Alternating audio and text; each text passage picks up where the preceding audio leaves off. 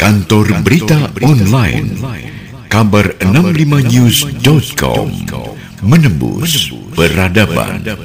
Sahabat, beberapa hari ini kita dihebohkan dengan aksi protes kebijakan pemerintah tentang pemberlakuan pembatasan kegiatan masyarakat atau PPKM untuk penanggulangan COVID-19 oleh salah seorang warga bernama Dian Maswari atau yang lebih dikenal dengan Dinar Kendi,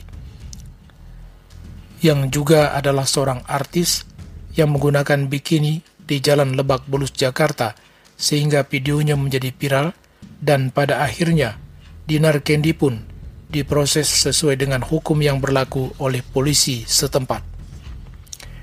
Berkenaan dengan hal itu, pakar telematika Roy Suryo angkat bicara atas aksi yang dilakukan oleh Dinar Kendi itu.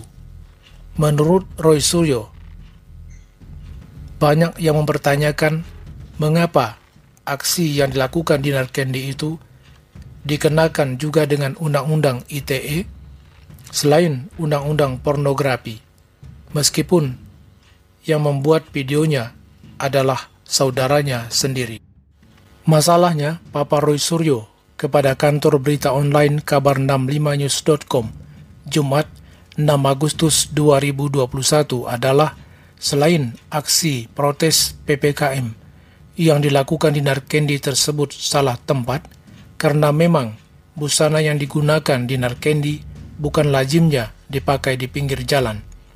Beda misalnya, aksi itu dilakukan di Narkendi di pinggir kolam renang sebuah hotel atau tempat wisata yang sesuai seperti di pinggir pantai misalnya. Jadi, lanjut Roy Suryo, sudah benar kalau Dinar Kendi diperiksa dengan keterkaitan pelanggaran Undang-Undang Pornografi nomor 44 tahun 2008 dan Undang-Undang ITE nomor 19 tahun 2016 yang merupakan revisi dari Undang-Undang nomor 11 tahun 2008 karena Dinar Kendi selaku pelaku aksi pornografi dan sekaligus penyebar rekaman video tersebut di akun Instagram pribadinya.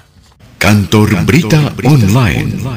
Kabar 65news.com Menembus Peradaban